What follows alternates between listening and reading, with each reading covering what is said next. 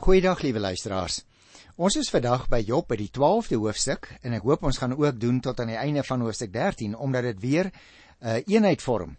Jy het binne die opskrif en die aankondiging net nou gehoor, ons praat so 'n bietjie met mekaar oor die antwoord wat Job vir sover gegee het. Wie weet nie al die dinge nie. Nou ek wil amper vir jou sê liewe luisteraar, arme ou Job, die ou loop daarom deur van alle kante af. En hy sê vriende troos hom, maar hy kom agter hulle is nie ware vriende nie. Hulle druk sy neus meer meer in die modder, maak hom al meer moedeloos. Sê dat hy sonde gedoen het en dat hy as dit ware sy derms moet uitreig en dan sal al hierdie pyne en ellendes en lyding van hom ophou. En nou het ons al gesien dat dit nie is wat die Bybel ons leer nie. 'n Mens kan 'n baie toegewyde gelowige wees en steeds kan allerlei moeilike dinge oor jou kom. Miskien is dit met jou so op hierdie stadium, liewe luisteraar, en dan moet jy nie aan mekaar in jou binneste grawe asof daar nog goed is wat jy moet uithaal en voor die Here lê nie. Hy ken ons gedagtes, hy ken ons opregtheid as ons al ons sondes voor hom bely en hy straf ons nie volgens ons dade nie want dan sal nie een van ons regtig kan bestaan nie. Nou as ek nou oorsigtelik eers 'n paar opmerkings oor hoofstuk 12 en 13 in die boek Job moet maak, dan sou ek sê ons moet oplet na 'n paar dinge. Job het sover baie sarkasties geantwoord en vir sy drie vriende alreeds gesê dat dit nie nodig was om hom van God te leer nie. Ek het al die dinge wat julle vir my gesê het reeds geweet. Dit is min of meer Job se argument. Hy het ook volgehou dat sy vriende nie die rede vir sy lyding verstaan nie. Hy het ook nie geweet waarom hy ly nie, maar was seker dat sy vriende se verklaringe vir sy lyding heeltemal verkeerd was. En daarom het hy weer vir die Here self gevra om vir hom 'n antwoord te gee. Job het in hierdie twee hoofstukke sy drie vriende vergelyk met dokters wat nie weet wat hulle doen nie. Baie van die dinge wat hulle van die Here sê is waar, maar nie een daarvan het enige betrekking op Job se eie persoonlike situasie gehad nie. Nou is dit natuurlik reg dat God regverdig is en die sonde straf, maar dit was verkeerd om af te lei dat Job se lyding die straf vir sy sonde was. Hulle het dis 'n baie goeie beginsel geneem, maar dit verkeerd toegepas, sonder om in ag te neem dat mense se omstandighede verskil. Liewe luisteraar, jy en ek moet ook baie versigtig wees hoor en met deernis en begrip te werk gaan as ons Bybelse beginsels op ander mense se lewens begin toepas want elke een se situasie verskil. Nou ja, natuurlik, die waarheid van die Bybel verander nooit. Maar ons kan maklik uit ons eie verwysingsraam en uit ons eie hoek praat en dan mis ons die ander persoon in sy spesifieke situasie. Job was in hierdie gedeelte veral ontsteld oor die Here se stilte en ook die feit dat die Here nie vir hom wou sê waarom hy so moes ly nie. Hy het God se stilte naderhand verkeerdelik as verwerping begin interpreteer. Ons moet hom nie afskiet nie, hoor. Dit is maar net soos jy en ek ook. Ons bid en ons vra en ons kry nie altyd 'n duidelike antwoord nie.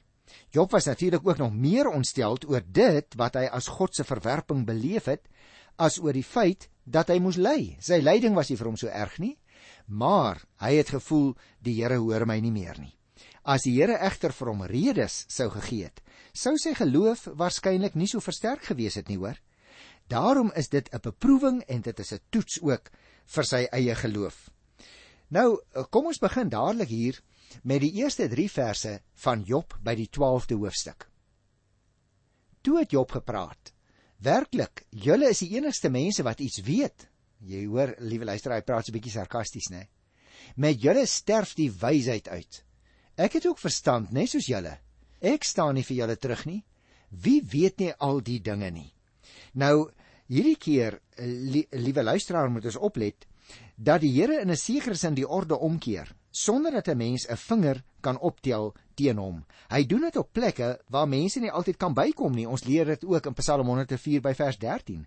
God reageer dus nie net op die mense gedrag, beloon die goeie of straf die slegte nie. Dit is nie so 'n direkte lyn wat ons altyd kan trek ten opsigte van die Here se handelinge nie. Die Here bly vryblywend. Hy laat hom nie in 'n blik druk nie. Daarom sien ons in hierdie eerste 3 verse Job verwerp Sofar se insinuasie en hy spot met die vriende se aanspraak op wysheid. Wat hulle sê, weet Job van kindsbeen af, maar dit beantwoord nog nie sy vraag waarom ly ek nie. Kom ons lees vers 4 tot by vers 6.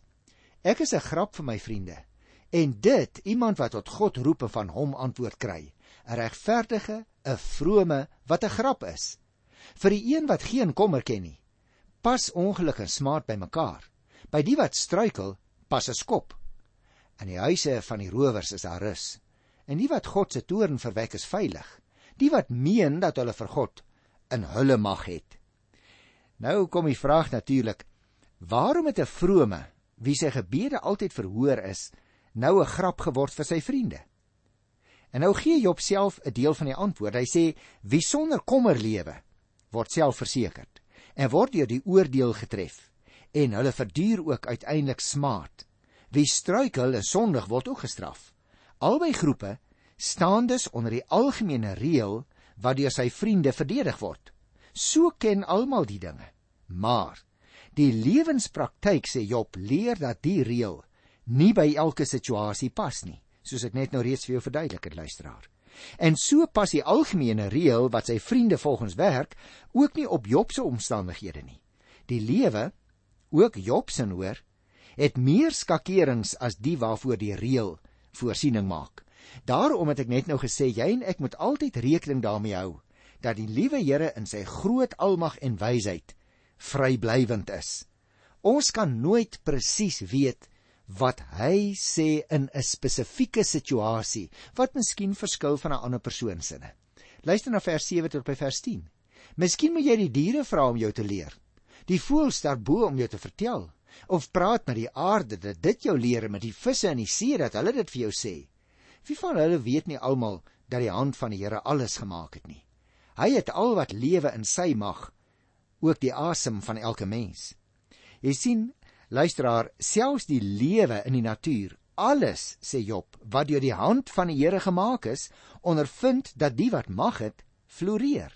Die natuur staan onder die mens, reeds uit die tyd voor daar sonde was in die wêreld. Gaan kyk maar weer Genesis 1 van vers 26 af. So sê Job, het die Here dit in sy mag en wysheid gemaak van die begin af. Dis die enigste plek tussen hakies in die gesprekke waar die verbondsnaam van God gebruik word, omdat ons hier 'n woordelikse aanhaling het uit Jesaja die 41ste hoofstuk by vers 20. Vers 11 tot 13 sê: Moet die oor nie woorde toets soos die verhemelte kosproe nie. Wysheid kom in die grysse ouderdom en insig na baie jare. By God is wysheid en krag. By hom is raad en insig. Nou weer eens luisteraar, waarom het die Skepper al hierdie dinge so gereël? Wie die vraag probeer beantwoord sê Job, moet sy woorde versigtig weeg en dit ook toets. Hy sê die mens, en dit geld homself natuurlik en sy vriende, kry wysheid na baie jare. Maar by God is wysheid en krag en in sy ondeurgrondelike wysheid besluit en doen hy wonder op wonder ook in die natuur elke dag sonder ja sonder dat 'n mens die Here kan teenstaan of sy werke werklik kan begryp alles wat daar is goed en sleg alles is die Here se werk nou luisteraar uit die volgende versies van vers 14 tot by vers 25 kry ons 'n hele lange uh, uiteensetting van wat Job sê. Maar ek gaan dit baie kortliks opsom en dan net elke enkele van die versies vir jou lees. Want jy sien in hierdie gedeelte het ek net nou ook vir jou gesê, keer die Here die orde om. Dit wat Job se vriende gesê het, word nou baie duidelik gesê in wat Job hier aanhaal dat die Here nie volgens vaste patrone werk nie. En nou kry ons hier van die 14de vers af tot aan die einde van Hosea 12 'n hele paar voorbeelde. Kom ek lees vir jou so hier en daar 'n stukkie. Vers 14 sê: As die Here afbreek, kan niemand opbou nie. As hy gevange neem, kan niemand vrylaat nie. Vers 15: As hy die water terughou, verdroog alles. As hy dit laat losbreek, vernietig dit die aarde. By hom is daar mag en oorwinning. Wie bedrieg en wie bedrieg word, is albei syne. Luister so 'n bietjie hier na vers 21 en verder. Die Here laat smaad afkom op die koppe van die vernaames en hy neem die mag van sterkes weg. Hy gee lig in donker dieptes. Hy maak donker plekke lig. Vers 24. Hy ontneem wêreldleiers hulle verstand en laat hulle ronddwaal in 'n wille wêreld sonder pad. Hulle tas in die donker rond sonder lig. Hy laat hulle ronddwaal soos dronk mense. Jy sien, liewe luisteraar, waaroor dit dus in die 12de hoofstuk gaan, is dat ons baie baie goed moet verstaan. Die Here val nie in om te dans wanneer ons op die fluit speel nie. Hy huil nie wanneer ons sê hy moet huil nie. Hy spring nie volgens ons wil op en af en rond nie. Nee, die Here is die vrymagtige ene. En daarom moet ons ook wanneer ons sekere dinge nie verstaan nie, selfs die lyding wat Job in sy situasie nie verstaan nie, moet ons nie daarmee probeer om volle insig te kry nie, want die Here doen wat hy wil. Van een ding waarvan ons werklik seker kan wees elke oomblik en dit sê Job ook, is dat die Here hier is. Die Here is by my in hierdie situasie. Nie dat die situasie vir hom lekker was nie, hoor, hy het baie kere getwyfel of die Here nog vir hom hoor as hy tot die Here roep. Nou gaan ons oor na die 13de hoofstuk en dit sluit baie nou daarbey aan. Ek lees net eers die eerste 2 verse. Ek het dit alles met my eie oë gesien en met my eie ore gehoor en ek het dit verstaan. Wat julle weet, weet ek ook. Ek staan nie vir julle terug nie. Jy sien, Job het self gesien, sê hy, en hy self ondervind dat God op sy eie manier optree, volgens sy wysheid en sy krag, nie soos wat ons mense wil nie. Job sê hy verstaan en hy aanvaar dit ook so en daarom staan hy in kennis nie ver van sy vriende terug nie om die waarheid te sê. Hy staan glad nie vir hulle terug nie. Luister vers 3 tot by vers 5. Maar ek wil eintlik met die Almagtige praat. Ek wil my saak aan God stel. Julle stapel die een leuen op die ander. Julle is kwaksalvers julle almal. As julle maar nie wil net wou stil bly. Sou dit vir julle tot wysheid gereken kon word. Jy sien hierdie mense, so sê Job, hierdie vriende wat hom probeer raad gee. Hulle staar hulle eintlik blind teen 'n tradisie wat alles oor vereenvoudig en dus feitelik uiteindelik 'n leuen word. Omdat hulle met een leuen op die ander kom, kan hulle nie sy vraag beantwoord nie. Daarom wil hy wat Job is met die Almagtige praat, soos die Here ook genoem word, byvoorbeeld in Genesis 17 vers 1 by die Here wil Job graag 'n antwoord soek. En daarom wil Job liewer hê sy vriende moet nou begin stil bly. Dalk word hulle dan nog aangesien vir mense met wysheid. Want jy sien as 'n mens so baie praat, dan kom jou eie stomsinnigheid dikwels na vore. Job is dus besig om vir hulle te sê, julle moenie dink ek sien nie deur julle nie. Julle werk volgens 'n menslike skema van oorsaak en gevolg. As 'n situasie deur julle beoordeel word, dan skryf julle dit toe as die gevolg van 'n spesifieke oorsaak. In hierdie geval sou dit my sonde wees, sê Job. En dit werk nie so eenvoudig nie, want ek het my sonde voor die Here bely en daarom is ek regverdige mens. En liewe luisteraar, dis 'n wonderlike ding hoor. As jy dit dalk uh, so 'n bietjie vergeet het, miskien moet jy weer 'n slag daaroor dink en dit in jou hart bære. As jy 'n kind van die Here is, dan is jy nie halfpad sy kind nie. Jy is of sy kind of jy is dit nie.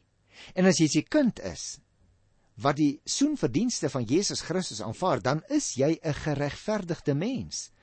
Dan kyk die Here na jou aan met sagte oë in sy groot genade. En dan straf hy jou nie elke keer vir jou oortredinge nie en dit is wat hierdie vriende nie insien nie. Hulle werk met die skema oorsaak gevolg. Jy kry swaar, daar kan net een oorsaak wees, jy het gesondig en dit is nie waar nie. Vers 6 tot by vers 10. Luister na my kant van die saak. Neem my argumente in ag. Wil julle vir God intree met onreg en sy saak bepleit met leuns? Wil julle vir hom partydig wees? Wil julle God se saak verdedig? As hy julle sou ondersoek, sou dit vir julle goed verloop? Jy sien, hy vra hierdie vraag, luisteraar, en ons moet dit baie duidelik raak sien dat Job insinieer as die Here julle en julle planne en julle skemas begin ondersoek, sê hy, sou dit vir julle goed verloop? Dis eintlik 'n retoriese vraag waarop die antwoord van selfsprekend is: nee, dit sal nie vir julle goed verloop nie. Want julle skema is nie die ene waarbinne die wil van die Here verklank word nie. Sou julle hom kon bedrieg soos julle mense bedrieg? sien nog 'n retoriese vraag. Die antwoord is natuurlik nee. Hy sê julle swaar straf as julle in die geheim partydig is. Jy sien, liewe luisteraar, God het nie nodig dat mense vir hom moet opkom nie. Veral nie met leuns nie. Daarom moet jy en ek ook so versigtig wees om al ewig mense te wil troos met argumente waarmee ons as dit ware vir God wil verdedig. Wie hy ons hoef nie regtig vir die Here op te kom nie. Dit is wat Job hier sê. Want hy tree vir ons waarheid op. En partykeer as ons met allerlei argumente kom voor mense ter wille van God, dan praat ons nie die waarheid nie. Want ons kom met argumente wat nie die toets van die skrif altyd kan deurstaan nie. Straks roep die Here hulle tot verantwoording sê Job, omdat hulle hom bedrieg deur leuns te praat. Daarom is hierdie gedeelte ook vir jou en vir my so belangrik. Veral as ons by die siekbed van iemand anders staan, moenie redes verskaf vir daardie persoon se siekte of lyding nie want jy praat dalk 'n bietjie in die wind. Vers 11 en 12 sê: Die Here se verhewe mag sal julle met skrik vervul. Skrik vir hom sal julle oorval. Julle beroep julle op die voorgeslag en dit is wind. Julle verweer sê niks. En dit is weer eens vir jou vir my 'n waarskuwing, liewe luisteraar, dat ons moet oppas vir vorm godsdiens. Ons moet ook oppas vir tradisie. Tradisie is nie noodwendig verkeerd nie, maar ons hou soms die uh, gebruike van 'n voorgeslag of geslagte en ons handhaaf dit in alle koste en wie hy partykeer slaag dit nie die toets van die skrif nie. En daarom sê Job hier in vers 11 en 12: Die Here duld nie sulke optrede nie en hulle sal nie voor sy verhewe mag soos wat Job dit noem kan bly staan nie. Ook voor die Here, soos teenoor Job, sal 'n verweer oor wat die voorgeslag bevind het, niks uitrig nie. Jy sien die reëls in die wette wat voorgeslagte ook maak. O, dit slaag nie die wil van die Here as dit in stryd is met wat die Here bepaal nie. Nou kom ons by die laaste afdeling wat ek graag vandag met julle wil bespreek en jy sal sien hier van vers 13 tot by 28 daar 'n nuwe opskrifie waar Job nou sê ek moet my saak vir God stel. Ek kry half die indruk, liewe luisteraar, dat Job so 'n bietjie moeg geraak het vir hierdie ouens. Hy sê maar ek is nou regtig moedeloos om met julle te praat want julle kom nie tot insig nie. Julle dink julle denkskema is die enigste wat korrek is en daarom moet ek nou liewer my saak vir God stel. Hy sê vir hulle hier in vers 13 tot by vers 15: Bly liewer stil. Ek wil praat. En laat dan kom wat wil. Waarom waag ek my lewe en neem ek dit in my hand? Al sou God my doodmaak, ek kan nie wag nie. Ek moet my saak vir hom stel. Ek wonder wat in Job se kop presies aangegaan het. Miskien wou een van die vriende op die punt begin praat dat Job hulle nou as dit ware onderbreek toe hy sien een wil praat en hy sê bly julle nou stil. Maar Job self wil voortgaan sê hy. Ongeag die gevolge. Hy besef die risiko om 'n saak te bespreek met die Here. Maar Job sal graag voor hy sterf 'n antwoord wil hê op sy vraag waarom hy so bitter ly.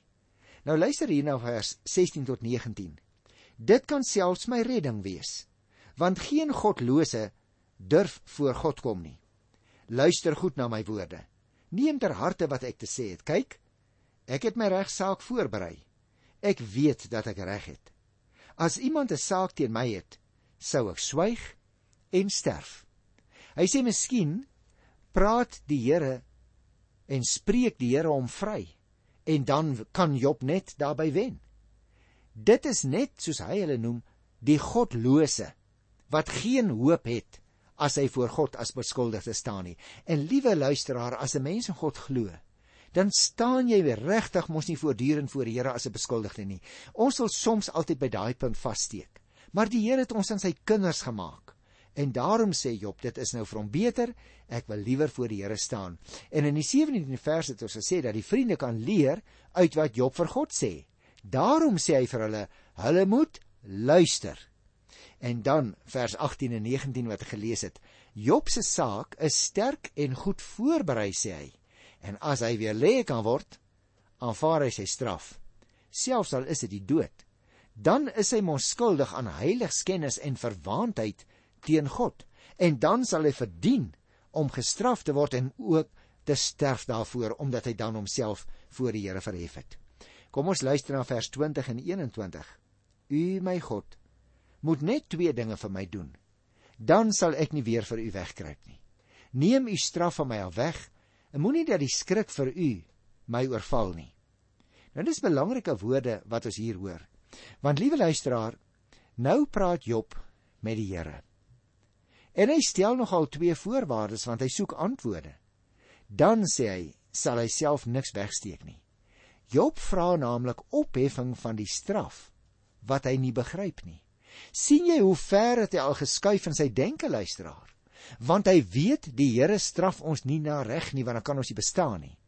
Maar hy begin al so bietjie aan die kant van sy vriende staan wat sê maar dalk is dit die straf van die Here wat oor my is. Maar ook die ander punt wat hy maak dat God die angs en die skrik wat baie mense vir hom wat die Here is het asseblief moet op sy skuif sodat Job met vrymoedigheid kan praat. Nou ek dink as Nuwe Testamentiese gelowiges het jy en ek miskien meer begrip daarvoor dat die Here ons Vader is. In die Ou Testament het hulle hom soms nog as die ver af, die kwaai God gesien. Nog nie die dieper insig in die skrif wat ons in die Nuwe Testament kry dat ons nie vir die Here hoef bang te wees. Dit het hulle nog nie regtig raak gesien nie. Vers 22 tot 25 roep my en ek sal antwoord of anders laat ek praat en antwoord u my. Hoeveel misdade en sondes het ek begaan? Wys my wat my oortredings en my sondes is. Waarom vermy u my en beskou u my as u vyand? Wil u 'n verwaaide blaar skrik maak? 'n Droë stoppel agtervolg dat u so bitter lyding vir my beskik, my laat boet vir die sondes van my jeug? sien luisteraar of Job op sy aanbod gewag het vir 'n antwoord, dit weet ek nie regtig nie. Ek kan nie vir jou sê ja of nee nie. Maar die punt is hy bly praat, selfs sonder dat aan die eerste van sy twee voorwaardes voldoen is. En hy rig baie duidelike vrae. Wat is die aard en die omvang van my sondes? vra hy vir die Here. Want dit het sy vriende nou in sy kop ingeprent. En wanneer die Here hierop nie antwoord nie, wil Job weet wat daar agter skuil dat die Here nie meer simpatiek na hom omsien nie. Dis tog nie nodig, liewe luisteraar, om 'n vyand te wees vir 'n verwaaide blaar nie of 'n droë stoppel nie, want hy wat Job is, is niks werd nie, sê hy voor die Here. Hy sê ek is sonder krag, ek is niks werd nie, ek is maar net 'n ou verwaaide blaar. En dan die laaste gedeelte van die hoofstuk waarmee ek vandag wil afsluit hier van vers 26 af is natuurlik nog steeds in die boek Job by die 13de hoofstuk. Kom ek lees dit vir jou. Wil jy 'n droë stoppel agtervolg dat jy so bitter lyding vir my beskik, my laat boet vir die sondes van my jeug? U bind 'n blok aan my voete. U hou elke voetstap van my dop. U merk my waar ek ook al gaan. En dit is 'n mens wat vergaan soos iets wat verrot, soos 'n stuk klere wat deur motte gevreet is. Nou, liewe luisteraar, waarom so niks werd, so laat ly vir sondes van sy jeug, toe hy nog maar 'n onverantwoordelike kind was, die verantwoordelikheid van sy pa. God het van Job, die vryburger. Onthou jy, ons het dit in die eerste hoofstuk geleer. Die Here het van hom 'n slaaf gemaak wat vir skuld moet werk en wat voortdurend dopgehou moet word om te sien of hy sy skuldstraf uitdien. God gee sy tyd aan iets wat klaar nutteloos is.